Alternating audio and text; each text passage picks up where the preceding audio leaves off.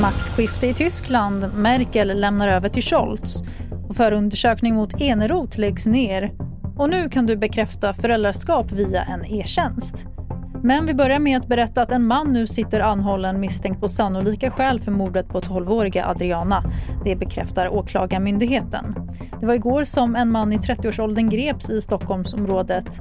Mordet på 12-åriga Adriana inträffade i augusti förra året.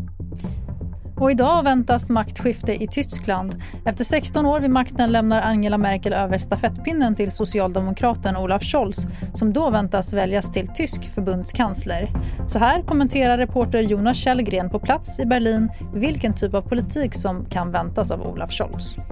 Ja, han kommer förstås driva en mer socialdemokratisk politik, löner och hyror och så vidare. Och han kommer förstås driva en mer grön politik i och med att det gröna partiet är en viktig del av hans koalition.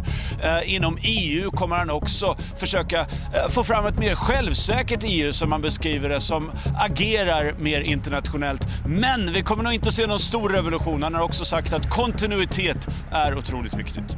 Och förundersökning mot infrastrukturminister Thomas Eneroth om sexuellt ofredande läggs ner enligt Åklagarmyndigheten. Eneroth anklagades för att ha tafsat på en kvinna under partiets kongress i Göteborg för en månad sedan.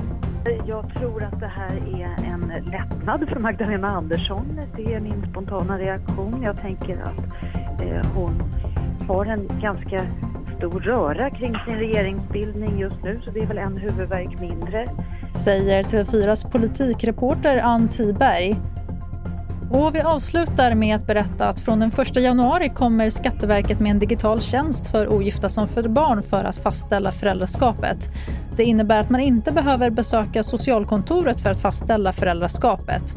Intygandet görs med e-legitimation och båda föräldrar och barn måste vara folkbokförda i Sverige och föräldrarna måste vara myndiga. Fler nyheter hittar du i TV4 Nyheternas app. I studion Tannas Edelat.